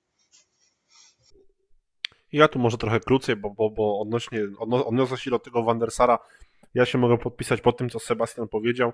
Dodam tylko tyle, że, że ja bym się cieszył z tego powodu, że to jest człowiek z klubu, tak jak Sebastian powiedział, on zna klub, jest legendą Manchester United i, i nie ukrywam, że podoba mi się ten kierunek, odkąd Ole Gunnar Solskjaer został menedżerem, bo no, nie ukrywajmy, no nie zostałby tym menedżerem, gdyby, gdyby nie strzelił tego, gdyby nie był legendą Manchester United, nie strzelił tego gola, bo to był trener Molde, no to osiągnięcia trenerskie akurat go tutaj nie windowały na, na pozycję menedżera Manchester United, ale został i to wypaliło. Edwin van der Sar zna ten klub, zna realia, i, i też, też by to po prostu fajnie wyglądało, gdyby, gdyby się okazało, że ten Manchester faktycznie stawia na tych swoich ludzi, także ja jestem jak najbardziej za. Natomiast no, obawy mam podobne co Sebastian niestety co do tego. Zobaczymy, co pokaże nam przyszłość. Dobra, zostawimy sobie na chwilę Manchester. Poruszymy kwestię, która już yy, została przez chwilkę tutaj poruszona. W poprzednim podcaście rozmawialiśmy sobie nieco szerzej o Jose Mourinho, o jego utarczkach z Polem Pogbą, z Ole Gunnarem Solskierem. No i e, razem z wybuchem Superligi gruchnęła też wiadomość, że Jose Mourinho został zwolniony z Tottenhamu. Na razie zastępuje go Ryan Mason. E, I tu podpytam Ciebie, Patryk, bo ciekawostkę zdradziłeś przed nagraniem, że pomimo, że jesteś kibicem Barcelony, więc myślę, że wskazana by było jeszcze większa niechęć niż y, w naszym gronie, że tak powiem, ale przyznałeś, że darzysz go y, pewną sympatią, więc chciałbym Ciebie podpytać, jakie jest Twoje obecne spojrzenie na niego i jaka w ogóle przyszłość teraz czeka Mourinho, bo tak szczerze mówiąc, to ja na przykład nie jestem w stanie odpowiedzieć na to pytanie. Nie, nie mam pojęcia, co się teraz wydarzy w y, karierze Portugalczyka. Tak, ja może trochę, trochę wyjaśnię, bo może to dla niektórych być dziwne, natomiast faktycznie, no ja e, zacząłem e, taki pierwszy poważny sezon, kiedy zacząłem oglądać te wszystkie mecze i tak dalej, to był sezon 11-12. Natomiast później wiadomo, jeszcze tam, tam nadrabiałem to, to, to, co traciłem, kiedy się piłką nie interesowałem i, i faktycznie Barcelonie kibicowałem, ale Mourinho był dla mnie takim trenerem zawsze, który to się potem stało memem, te wszystkie jego narzekania na sędziów i tak dalej, natomiast to był trener, który wychodził i mówił to, co myśli, ale no, miał energię, żył, żył tym meczem poza linią boczną, żył na konferencjach, żył y, na treningach, no wszędzie było widać tę energię. Też tego nie rozumiałem, dlaczego Jose Mourinho, który wkłada palec w oko Tito Villanowy, no dlaczego ja go darzę tą sympatią, natomiast to mi tak naprawdę zostało cały czas i cały czas tego Portugalczyka gdzieś tam e, wymieniam w gronie tych swoich ulubionych trenerów mimo wszystko. E, też tutaj dużą rolę odegrał mój wyjazd do Portugalii. Byłem na wakacjach w Porto, w Muzeum FC Porto i tam po prostu Jose Mourinho za tę Ligę Mistrzów w 2004 roku jest po prostu obrośnięty legendą. Tam po prostu go jak Boga. I na każdym kroku, nawet jak się idzie miastem w dzielnicy, która jest y, ileś tam kilometrów od stadionu, to cały czas to uwielbienie do Mourinho się czuje, więc gdzieś tam cały czas ten Mourinho jest od początku tej mojej przygody z piłką. Nie ukrywam, że też ja mam takie podejście do tych wszystkich zawodników, e, do tych relacji na linii zawodnicy-trener, że jednak trener to jest ktoś, kto powinien mieć ten posłuch. W sensie ja tak uważam, że troszkę nie można oceniać zawsze trenera, jeżeli zawodnicy nie chcą jego wizji wypełniać, więc tym sobie często tłumaczę tę jego kontrowersyjność, chociaż no też nie jestem zaślepiony, bo widzę, że Jose Mourinho jest bardzo konfliktowym trenerem. I Same coach, different mu... players. Powtórz, bo nie słyszałem. Same coach, different players, jak mówił ostatnio. no właśnie, no właśnie, więc no jest to, jest to w Mourinho problem, bo ewidentnie mu ta piłka przestaje, w sensie ewidentnie za tą piłką zaczyna już, przestaje nadążać, już mu ta piłka uciekła. Cały czas próbuje, próbuje z tym samym i cały czas z, z, z marnym skutkiem, no bo, bo jednak z Manchester United wyleciał, z Tottenhamu wyleciał. Jaka przyszłość? Ostatnio pojawiły się jakieś plotki, że, że, że Valencia y, go, go rozważa na trenera, natomiast no nie wiem, nie wyobrażam sobie Jose Mourinho w Walencji. To nie chodzi nawet o to, że y, klub jest z dość, powiedzieć, średniej półki, co uważam, że z Peterem Limem y, u sterów ta Walencja po prostu nie ma żadnej przyszłości i, i po prostu nie wydaje mi się, że Mourinho w to wszedł. Wydaje mi się, że Mourinho znowu sobie zrobi przerwę. Może rok, może półtora, może dłużej. I, i faktycznie i znowu wróci do klubu, którego nawet tutaj sobie w tym momencie nie jesteśmy w stanie wymyślić. Nie wykluczam, że taką ostatnią Y, próbę może Mourinho, jeśli chodzi o rzucenie się na, na, na, piłkę, będzie coś w stylu Carlo Ancelottiego, czyli objęcie takiej nieoczywistej ekipy jak Everton i spróbowanie czegoś zbudować. Natomiast no, wszyscy myśleliśmy, że po tym zwolnieniu z Manchester United Mourinho trochę nadgoni tę piłkę, uporządkuje sobie pewne sprawy z boku i wróci i, i będzie to na pewno wielka wartość dodana dla Tottenhamu. Zresztą pamiętam w tym sezonie na początku się zastanawialiśmy, czy Tottenham wygra mistrzostwo nawet Natomiast skończyło się jak zawsze. Ja bardzo liczyłem na to, że Tottenham y, utrze nosa City i w końcu wygra to trofeum y, Mourinho i, i ten Tottenham, natomiast teraz już wszystko jedno. Nie udało się, Mourinho został zwolniony, no i dla mnie szkoda, dla mnie szkoda, bo dla mnie angielska piłka Premier League traci w tym momencie wielką postać. Natomiast kibice Tottenhamu z pewnością się cieszą, sam znam jednego i jest zadowolony, także. To ja tym razem krótko, bo tak jak tutaj wspominałeś, Paweł, poruszaliśmy sporo e, ten temat e, już po meczu Manchester United z Tottenhamem e, i udanym rewanżu Solskiera za tą porażkę 1-6. No, ogólnie stało się to, do czego wszystko zmierzało, więc, więc tutaj jakby zaskoczenia de facto nie ma. No, tak naprawdę widać, że po prostu ten proces, ta degradacja w zasadzie E, tego, czy co Mourinho prezentuje, ten skostniałe swoje podejście. Z całym szacunkiem oczywiście do niego, bo mam do niego duży szacunek, jeżeli chodzi o, e, o jego charyzmę i, i o to, co osiągnął przede wszystkim w futbolu. E, no to, to po prostu można to tylko skwitować tak naprawdę krótkim podsumowaniem, że nie musimy się za bardzo o niego martwić. Tak samo jak nie musimy się martwić pewnie i o jego dzieci, syna, w sumie nie wiem, czy ma syna, pewnie tak. Chyba ma. E, I, so, i, i Sona i, wie, i, i, wiele innych dzieci, bo z tych odpraw z Manchester United i z Tottenhamu na pewno będzie go stać, żeby jeszcze wykarmić przez długie, długie lata, może pewnie do, nawet do końca swojego życia te wszystkie dzieci. No i życzę mu jak najlepiej, jego dzieciom też i, i wszystkim dzieciom ogólnie. Ja wciąż mam nadzieję, że Jose Mourinho zostanie ekspertem telewizyjnym, ponieważ moim zdaniem fantastycznie pasuje do tej roli. Zostawiamy Portugalczyka, przenosimy się do Walii, bo tam też się wydarzyło ostatnio całkiem sporo. Niestety nie są to dobre informacje, szczególnie dla osób, które mają sentyment do legend Manchester United. E, dowiedzieliśmy się, że Ryan Giggs został zawieszony na Mistrzostwa Europy, tak, tak to trzeba powiedzieć, nie? Bo on nie został wyrzucony, ale nie poprowadzi reprezentacji Walii na Euro. Tak, E, tak, taki był komunikat FIA na ten moment. Tak, jest to oczywiście pokłosie y, sprawy sądowej, w której jest oskarżony o naruszenie, y, o zaatakowanie dwóch kobiet i tam jeszcze jakieś inne zarzuty są prowadzone. Ta rozprawa jest w toku, jak rozumiem. Y, Muszę wam powiedzieć, że strasznie mnie rani w serduszko ta sytuacja, bo ja już troszkę, że tak powiem, zregenerowałem się po tej całej sytuacji z żoną jego brata. Jakoś odłożyłem to w niepamięć i po prostu patrzyłem na Ryana Giggsa jako świetnego skrzydłowego Manchester United. No ale kurczę, nie chcę dać o sobie zapomnieć i to jest straszne, bo naprawdę pod względem sportowym, no to jest jedna z największych legend tego klubu, może nawet największa, chyba można by się pokusić o takie stwierdzenie. No ale to życie pozaboiskowe to jest y, strasznie ciężkie, zaskakujące o tyle, że no Ryan Giggs nigdy nie sprawiał wrażenia takiej osoby, on zawsze był taki cichy, raczej stonowany, raczej wydawał się właśnie bardzo rozsądną osobą. No ale niestety tutaj wyłania się nam trochę inny wizerunek Walijczyka. Jakie jest wasze spojrzenie na ten temat? No to znaczy, no, ja bym jednak po prostu poszedł w tym kierunku, że pewne rzeczy trzeba rozgraniczyć, czyli według mnie Ryan Giggs to jest wzór, jeżeli chodzi o podejście typowo sportowe, wzór profesjonalisty i tutaj nie można mu nic zarzucić i wiele osób to powtarzało i i zakładam, że również także w pracy trenerskiej nie było inaczej. E, no i tą legendą Manchester United pozostanie. No gorzej już będzie z tym tytułem szlacheckim. Wydaje mi się, że już patrząc na niego pod kątem jednak tym ludzkim i tym, co dzieje się poza boiskiem, choć to są sprawy tak naprawdę osobiste ludzi i, i, i, też w teorii nie powinno się za bardzo do nich zaglądać, no ale też świadczy o tym, jaki jest człowiekiem.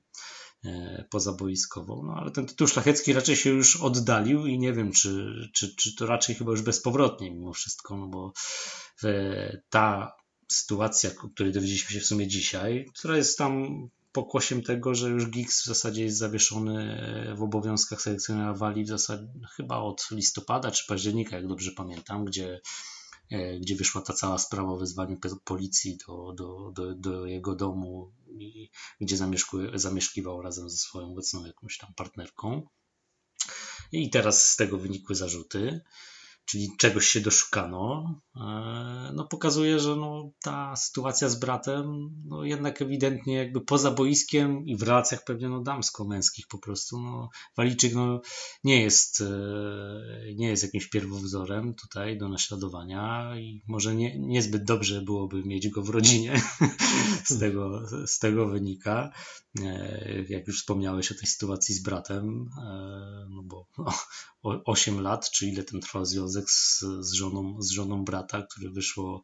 Znaczy, ja w ogóle sobie mm, cenię e, poniekąd Rodrigo Giggsa, czyli brata, za, za to, w jaki sposób potrafił, e, jakby, nie, nie, nie, jakby to nie mówić, no jednak dużą e, swoją, może nie swoją porażkę życiową, ale no, taką traumę życiową przekuć przekuć w coś nawet zabawnego. No, pojawiały się nawet reklamy, gdzie odnosił się do tych sytuacji. E, no widać, że już jakby z czasem, z czasem to troszkę gdzieś te emocje zelżały. Nie wiem, czy panowie się tam pogodzili o styczniu, czy nie. No, ja sobie trochę nie wyobrażam się pogodzić w ogóle po takich, po takich e, perypetiach. Mm, e, no ale no właśnie, no, sprawa sportowa, sprawa pozaboiskowa, wiadomo, no, te rzeczy rzutują na ogólny obraz, ale dla mnie Ryan Giggs sportowo zawsze będzie, postrzegany jako legenda Manchester United, wzór profesjonalisty, człowiek, którego nie ma, nie, nie można niczego zarzucić, jeżeli chodzi o, o te kwestie typowo zawodowe, tak to nazwijmy.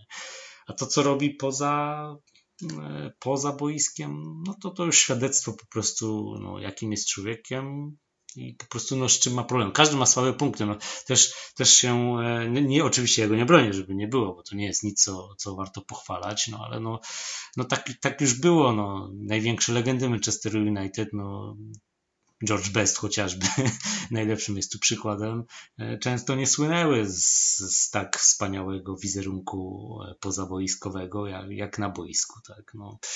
no i niestety no, Ryan Giggs z tej nowożytnej bardziej historii no, wpisał się w ten trend e, no i wygląda na to, że no, trochę się jeszcze po nim, zanim pociągnie to, to, to robi poza boiskiem. Acz też y, podzielam, podzielam tutaj, Pawle, Twoje zdanie, że też, też gdzieś to, to serduszko troszkę tak, e, tak posmutniało, jak się okazało, że człowiek, który wydawało się, że po prostu no, no, no taki wzór, że do niczego, tylko szykować już e, termin na przyznanie tego tytułu szlacheckiego. No, no takie tutaj mm, ciekawostki dostarcza tabloidom tak naprawdę, no bo mówimy tutaj o sytuacjach typowo tabloidowych. Tak. No i też, też y, na pewno to jest bardzo ciężka wiadomość dla wszystkich, którzy pamiętają Ryana Giggsa z boiska, niekoniecznie wiedzą, co na bieżąco się u niego w życiu działo, natomiast mnie też ciekawi, jak ta sytuacja wpłynie na jego karierę trenerską, bo nie ukrywam, że ja osobiście żywiłem wielkie nadzieje co do Ryana Giggsa jako trenera i, i obserwowałem ten jego, ten jego rozwój, nawet mi się zdarzało mecze reprezentacji Walii dla niego oglądać, jak ta, jak ta kadra za niego gra, no bo nie wiem ile mu grozi za, za to, co on tam, co on tam narozrabiał, natomiast jeżeli, jeżeli już ma takie zarzuty, no to wydaje mi się, że po tym już rozstaniu się z reprezentacją Walii całkowicie, no to ta kariera się może niechybnie skończyć po prostu, no, albo na pewno nie potoczyć tak, jakby się mogła potoczyć, więc tutaj wielka szkoda, bo na pewno legendą Manchester United pozostanie zawsze, natomiast no, jako ten trener też wydaje mi się już można tak powiedzieć, żeby mógł więcej osiągnąć, gdyby nie te, te różne zarzuty, które są ustawiane, no ale zobaczymy jak to się potoczy. Na razie, na razie nie ma żadnego oficjalnego uznanego za winnego jeszcze, także. No tak, no tam nawet chyba Patrice Evra swego czasu wspominał w anegdotach swoich e, na temat współpracy z Sir Alexem Fergusonem, że gdzieś e, Ferguson przyznawał, że wśród swoich piłkarzy największe szanse widzi, jeżeli chodzi o rozwój trenerski, osiągnięcia sukcesu w tym zawodzie właśnie w Ryanie Giggsie. No i ponoć Patrycie Ewrze, no tak się sam zareklamował, ale na razie widzę, że póki co love this game i na tym się skupia. No więc szkoda, szkoda też z tej perspektywy szkoda, bo naprawdę ta walia naprawdę fajnie wyglądała i liczyłem na to, że po tych Mistrzostwach Europy, jak, jak nie będzie kontynuował pracy w Walii, to odejdzie i będzie trenował jakiś fajny klub, bo to naprawdę mogło mieć przyszłość. Natomiast teraz to wydaje mi się, że, że czeka go parę lat co najmniej niebytu na tym rynku. Swoją drogą, jeżeli bawimy się już te bardziej tabloidowe, rozrywkowe, show, show, biznesowe trochę tematy, no to w sumie z Patricją Evrą ogólnie temat jest, może nie jest bardzo podobny, ale zbliżony, no bo teraz wiadomo, że on tam się rozstał chyba z żoną po, po wielu, wielu latach, e, gdzieś tam też jakiegoś zdradzania i teraz oczekuje, czy nawet już ma dziecko z kolejną partnerką, także no może ci wielcy trenerzy, nie wiem jak u Fergusona, czy ma jakichś innych synów, coś, coś mają. Znaczy wielcy, potencjalni wielcy trenerzy coś mają takiego w charakterach, e, no, takiego niesfornego, jeżeli chodzi o życie osobiste. No nie wiem. No oczywiście to taka żartobliwa anegdotka. No jak na razie niestety ci byli podopieczni Fergusona kariery trenerskiej wielkiej nie robią. Dobra panowie, to jeszcze szybka pomeczówka po meczu z Burnley, który się odbył w zeszły weekend. E, wygrana 3 do 1. Ja muszę przyznać, że jak padł gol wyrównujący Jamesa Tarkowskiego, to miałem w myślach tylko, no nie, znowu to cholerne Burnley.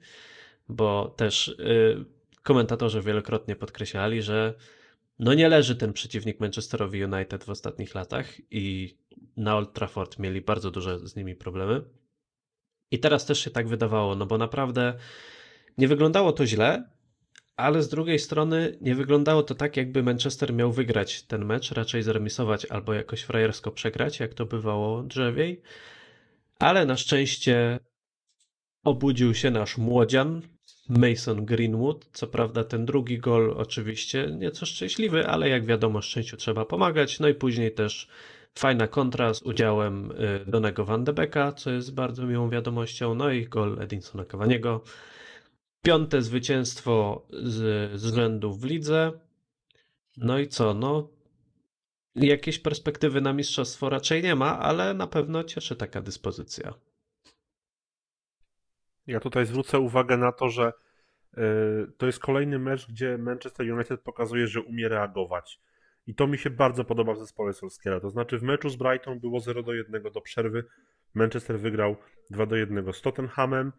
Przegra, przegrana 1 przegry, no, do przerwy było 1-0 dla Tottenhamu jeszcze w takich okolicznościach z tym nieuznanym golem, co naprawdę mogło, y, mogło podciąć skrzydła wygrana na 3 do 1. Teraz dwie minuty po zdobyciu bramki wyrównuje Tarkowski, a Manchester i tak dąży i w końcówce przechyla szale na swoją korzyść. To mi się bardzo podoba i naprawdę to jest kolejna rzecz, z której jestem bardzo zadowolony z Olegu Narasowskiego, że on wy, wykształcił tę wiarę. Mason Greenwood też y, słabszy początek sezonu, teraz jest naprawdę w dobrej formie. Y, świetnie się pokazał. Ja też jestem, ucieszył mnie osobiście gol Cavaniego, bo bardzo bym chciał, żeby został na przyszły sezon, także perspektywy na mistrzostwo nie ma, natomiast moim zdaniem takimi sytuacjami, takimi niepozornymi, można powiedzieć, meczami, jak to, to Brighton u siebie, czy, czy teraz Burnley, to buduje się właśnie taką zwycięską mentalność i moim zdaniem idziemy, idziemy w dobrą stronę, nawet jak czasami narzekamy na styl, czy na niską intensywność, to to, to po prostu moim zdaniem zaprocentuje i jestem bardzo zadowolony z takich meczów. No ja podpisuję się w sumie pod tym, co po, powiedział Patryk, że najbardziej podoba mi się e, to, w jaki sposób zespół zaczął reagować. Ja w ogóle widzę tą zasadniczą różnicę między Solskierem, tą kadencją Solskiera, kadencją Mourinho, bo w zasadzie wyniki, jak gdzieś tam e, wiele serwisów porównuje tych gdzie, gdzie bardziej się skupia na statystyce, to okazuje się, że one są bardzo podobne obu trenerów, że, że na przykład Solskjaer nie, wcale nie osiąga e, generalnie w tylu samych meczach więcej punktów czy, czy lepszych wyników, a to oczywiście może nadejść, ale widzę tą, tą zmianę nastawienia. Gdzieś jednak za Mourinho, jeżeli The Burnley, tak jak tutaj Paweł wspomniał, strzelił tą bramkę, to ja miałem wrażenie, oczywiście ze Suskiem na początku też trochę tak było, no ale to, to, ten zespół się budował, ale ja już wtedy wiedziałem, że jak my tracimy bramkę, no to no to nie, nie czułem, że, że zaraz ruszymy i będziemy przechylać szale na swoją korzyść. A tu mamy sezon, gdzie no nie chcę skłamać, ale jak dobrze pamiętam, chyba jest 25 punktów ugranych z pozycji przegrywającego. To, to nie jest żaden przypadek, to nie jest jakiś łód szczęścia, tylko to po prostu pokazuje, że w tej drużynie zaszczepiono charakter taki, jaki by się chciało jaki się pamięta z czasów Fergusona, wiadomo, że tam, to, to, to nie chcę porównywać Fergusona do Solskiera, no ale no, romantycznie wracamy zawsze w tę stronę, no bo po prostu tam e, pamiętamy te największe sukcesy i, i z tym kojarzy nam się Manchester United z takim charakterem, na zasadzie wy nam wbiliście jedną, no to poczekajcie chwilę, my wam wbijemy trzy. No i tak było w przypadku Burnley, tak? No wiadomo, no to się toczyło, toczyło, ale ja do końca jakby byłem mimo wszystko spokojny o to, że uda się wcisnąć. Wiadomo, zdarzą się mecze, że, że się to nie uda, ale że w większości, co pokazuje te 25 punktów, jeżeli nie kłamie, no to to jest kwestia tam plus minus jeden czy tam dwa punkty z pozycji przegrywającego w tym sezonie. No i to pokazuje charakter drużyny i chwała za to Solskierowi, że ten charakter buduje. Jeżeli to będzie szło w tą stronę, z dodatkowymi oczywiście jakimiś wzmocnieniami latem, no to może, może nie teraz, no może to mistrzostwo w tym sezonie to, to faktycznie to jest e, już trochę takie marzenie ściętej głowy, no ale nikt, póki jest nadzieja, zawsze póki piłka w grze, jak to mówią, no to bra, czy tam bramki są dwie, tak, I, i, i, trzeba, trzeba w to wierzyć, no ale no, no pewnie umówmy się, że tam Manchester City już nie widzę tego, żeby e, swoich rąk tutaj wypuścił to mistrzostwo w tym sezonie, ale Manchester United, jeżeli z, zmniejszy chociaż tą, e, tą przewagę między mistrzem a tym drugim miejscem do tej chociaż jednopunktowej, znaczy nie tyle jednopunktowej, jedno, ale jednocyfrowej straty, e, no to już będzie jasny sygnał na przyszły sezon, że tutaj liczymy się, tak? Liczymy się i w przyszłym sezonie może być tylko lepiej. No i oby tak było. No ja, mi się podoba na pewno charakter tej drużyny. No nie zawsze ta gra się super układa, ale też według mnie sportowo, piłkarsko wyglądamy lepiej na boisku niż chociażby nawet ten sezon, półtora sezona temu, jeszcze z Solskierem oczywiście, więc Więc no Szkoda super, tego meczu. Szkoda tego meczu Aston Villa z Manchesterem City, bo tam faktycznie mogło być ciekawie, jeżeli tam by się coś, e, coś nieoczekiwanego stało, tym bardziej, że City ma potem, ma potem Chelsea, czy, czy inne mecze, gdzie te, te punkty można, można potracić, szczególnie biorąc pod uwagę ten dwumecz z PSG, no ale po tym zwycięstwie z The Villans to raczej już raczej już się nie, nie, nawet się. w przewadze wyglądało po prostu przeciętnie. Widać, że Jack, brak Jacka Grealisha to jakiś widocznie Ale na, minus nadzieję mieliście, 30% przyznajcie. drużyny, nie wiem. Nadzieję mieliście, przyznajcie. No i oczywiście, że tak, no po czerwonej kartce to zawsze, zawsze gdzieś tam się tliło, że a nuż może, a wiadomo jak to, jak to działa, no jednak psychika w piłce nożnej to ma bardzo, bardzo wielkie znaczenie. Jakby tutaj były stracone punkty znowu, no to myślę, że zaczęłoby się robić nerwowo, no ale no, nie postawiło się Winlands City, no, trzeba powiedzieć sobie szczerze, że nawet nie zasłużyło tam na, na remisik, grając 11 w 10, więc Ale tak wracając do tego, trochę jeszcze rozwinę to, co tam mówiliśmy wcześniej o tym właśnie, że e, jest budowany ten charakter. Mnie się bardzo podoba progres, taki liniowy progres, jaki się dokonuje pod, pod wodzą Solskiera, bo pierwszy ten jego niepełny sezon to było szóste miejsce, ok, ale fantastyczna seria nie, wygranych z rzędu, jeszcze wyeliminowanie PSG. Potem było trzecie miejsce po świetnej pogoni, teraz będzie prawdopodobnie wicemistrzostwo. Ja jestem, powiem wam szczerze, przekonany trochę, że my, w nas, że my już nie musimy się martwić o miejsce w Lidze Mistrzów. W sensie, oczywiście tam jeszcze były niedawno przed tą przerwą reprezentacyjną takie, donieść, takie opinie, że to jeszcze nie jest pewne, że byśmy się nie bawili, bo tu wszystko, y, wszystko się może rozsypać, natomiast wydaje mi się, że my się już tak nie rozsypiemy. W sensie, że y, pod wodzą Solskiera naprawdę zbudowaliśmy taki zespół, który jest przede wszystkim pewny swojej wartości. I może nie zdobędziemy mistrzostwa za sezon, może nawet nie za dwa, Natomiast wydaje mi się, że my już mamy taką trochę pozycję po tych zawirowaniach, że my naprawdę w, tej, w tym top 4 na tym podium to się znajdziemy spokojnie. I z tego jestem bardzo zadowolony, bo takiego poczucia co do Manchester United nie miałem dawno, a teraz to mam, nawet jeśli się nie spełni. Oczywiście można mówić, że Southgate nie zdobywa trofeów, że, że tego najważniejszego nie ma, natomiast no, w Lidze Europy naprawdę te wyniki są dobre, półfinały pucha krajowych pucharów, i w lidze moim zdaniem wygląda to z sezonu na sezon coraz lepiej, więc no ja jestem naprawdę pełen, pełen entuzjazmu i optymizmu na najbliższy sezon, który będzie już normalny pod względem terminarza i mam, mam nadzieję całej pandemii, także No, normalne, ale po szalonych mistrzostwach e, Europy i przed No, szalonymi prawda, no. mistrzostwami świata, więc też pewnie to będzie grało swoją rolę. Ale mam nadzieję, że masz rację i że faktycznie Manchester United już będzie mógł być przynaj- e, pewny przynajmniej tej czołowej czwórki, bo to byłaby bardzo miła odmiana dla nas. E, Słuchajcie, jeszcze króciutko zapowiedzmy sobie następny mecz. W niedzielę gramy, trzeba powiedzieć, klasyk angielski na Elland Road e, z Leeds. I tu mam taką, nie wiem, chyba martwiącą wiadomość, bo przyjrzałem sobie ostatnie pięć spotkań z Leeds. E, Znaczy, ostatnie pięć spotkań Leeds w lidze i to jest, słuchajcie, remis z Chelsea, wygrana z Fulham, wygrana z Sheffield, wygrana z Manchesterem City, ta niesamowita, gdzie grali w- z osłabienie. w osłabieniu i udało im się mimo to pokonać Manchester City i ostatnio remis z Liverpoolem. Czyli możemy z tego wywnioskować, że nie boją się wielkich. Z drugiej strony pamiętamy, że na Old Trafford dostali no, dosyć poważną lekcję grania w piłkę. Bo można odnieść takie wrażenie, że ten otwarty styl Leeds jest taką wodą na młyn dla Manchester United, ale z drugiej strony jestem też przekonany, że yy, no wiele można mówić o Marcelo Bielsie, ale on wyciąga wnioski i już na pewno nie będzie próbował drugi raz w ten sam sposób szturmować bramki najprawdopodobniej Hendersona, więc nie spodziewam się, że tym razem też pójdzie tak gładko. A ja jestem trochę w opozycji do Twojego zdania. Według mnie Marcelo Bielsa e, to trochę właśnie taki człowiek, który po prostu robi cały czas to samo swoje, wierzy swoim przekonaniom i stawia mniej więcej na tą samą taktykę e, i podobny sposób grania. Liczy się atrakcyjny futbol, liczy się strzelanie bramek.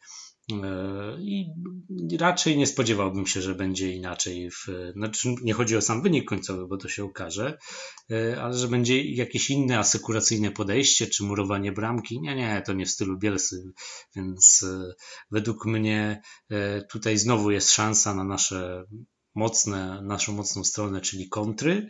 No ale no Leeds i Bielsa no to na pewno bardzo wymagający przeciwnik, chyba najbardziej wymagający, jeżeli chodzi o, o te kwestie kondycyjne. Przy czym my też już pokazaliśmy, że kondycyjnie został ten zespół bardzo dobrze zbudowany od czasu już odejścia Mourinho, gdzie jednak na te kwestie już przestano zwracać uwagę, co też mocno i szeroko było opisywane w różnych artykułach e, na temat kadencji Mourinho. E, I myślę, że jak sprostaliśmy w pierwszym meczu, takiego kondycyjnie nie obawiam się, że, że na przykład nie sprostamy w niedzielę. Tylko no mówimy o meczu na Road, mówimy jednak o derbach. E, ja się ogromnie przede wszystkim cieszę, że Leeds, e, chociaż to rywal, jeden z największych rywali obok Liverpoolu, tak historycznie dla kibiców Manchester United, ale że Leeds jest w tej, tej ekstraklasie i znów możemy to oglądać te klasyki z tych angielskich boisk. No i fajnie. No, oczekuję jak najbardziej tego meczu. Mam nadzieję, że czeka nas super widowisko. E, nie mówię, że o wynik jestem spokojny, ale myślę, że będzie się działo i też będziemy mieli sporo do powiedzenia jak w pierwszym meczu. Ja tutaj też jestem pewny, że Marcelo Bielsa swojej taktyki nie zmieni. To jest trener, który jest, który jest wierny swoim przekonaniom, wierny temu stylowi, jaki wyznaje. On został zatrudniony w Leeds po to, żeby awansować do Premier League, awansował i radzi sobie świetnie. Był taki moment mm, pod koniec, od połowy lutego bodajże, że chyba Leeds przegrało 4 z 5 meczów. No i tam już pojawiały się takie głosy, że ta formuła Bielsy się może wyczerpywać, ja przynajmniej takie głosy słyszałem, natomiast y, no, później widzimy, że Leeds się, się z, tych, z tych problemów wygrzebało remis z Chelsea, zwycięstwo z, zwycięstwo z City, chociaż też no, trzeba pamiętać, jak ten mecz City wyglądał. Natomiast sam fakt, że, że Leeds zdołało wygrać, jeszcze grając w, w przewadze z Manchesterem City na, na wyjeździe, to już w ogóle jest coś niesamowitego, więc wydaje mi się, że Marcelo Bielsa, e, jeśli będzie analizował mecz, a na pewno będzie mecz z Old Trafford, to na pewno nie w tym sensie, żeby drastycznie zmienić swoje podejście, tylko ewentualnie usprawnić pewne rzeczy. Ja jestem przekonany, że czeka nas bardzo fajny mecz, mecz, y, mecz walki, ale takiej pozytywnej walki, który będzie y, obfitował wiele takich y, podbramkowych sytuacji, także ja się osobiście nie mogę doczekać, bo też lubię takie klasyki, a ten zapowiada się wybornie. Szczególnie biorąc pod uwagę też formę Manchesteru na wyjeździe, która jest fantastyczna i możemy zakończyć sezon bez porażki wyjazdowej w lidze. Więc Ca też z tego powodu. Ca cały czas mówimy o rekordzie, który cały czas ciągniemy, tak, tak, tak. prawda? Y, ja bym tu chciał sprostować pewną rzecz, bo mi oczywiście nie chodziło o to, że Marcelo Bielsa zacznie nagle murować bramkę i grać w stylu, nie wiem, Burnley, tylko że po prostu wyciągnie wnioski po tym pierwszym meczu i no, jestem prawie pewien, że nie będzie to wyglądało w ten sposób, ale też się cieszę na to spotkanie. Ja w ogóle muszę przyznać, że ja lubię oglądać Leeds, nawet y, jak grają z jakimiś innymi zespołami, to mi się po prostu przyjemnie ogląda to, jak oni grają. Bardzo doceniam styl Marcelo Bielsy, też lubię takie zespoły, które awansują do Premier League i w tym Premier League robią ciekawe rzeczy, a Leeds robi bardzo ciekawe rzeczy w Premier League i mam nadzieję, że będą je robić nadal. Dobrze, Amen. i tutaj sobie postawimy. Tak, tutaj sobie postawimy kropkę.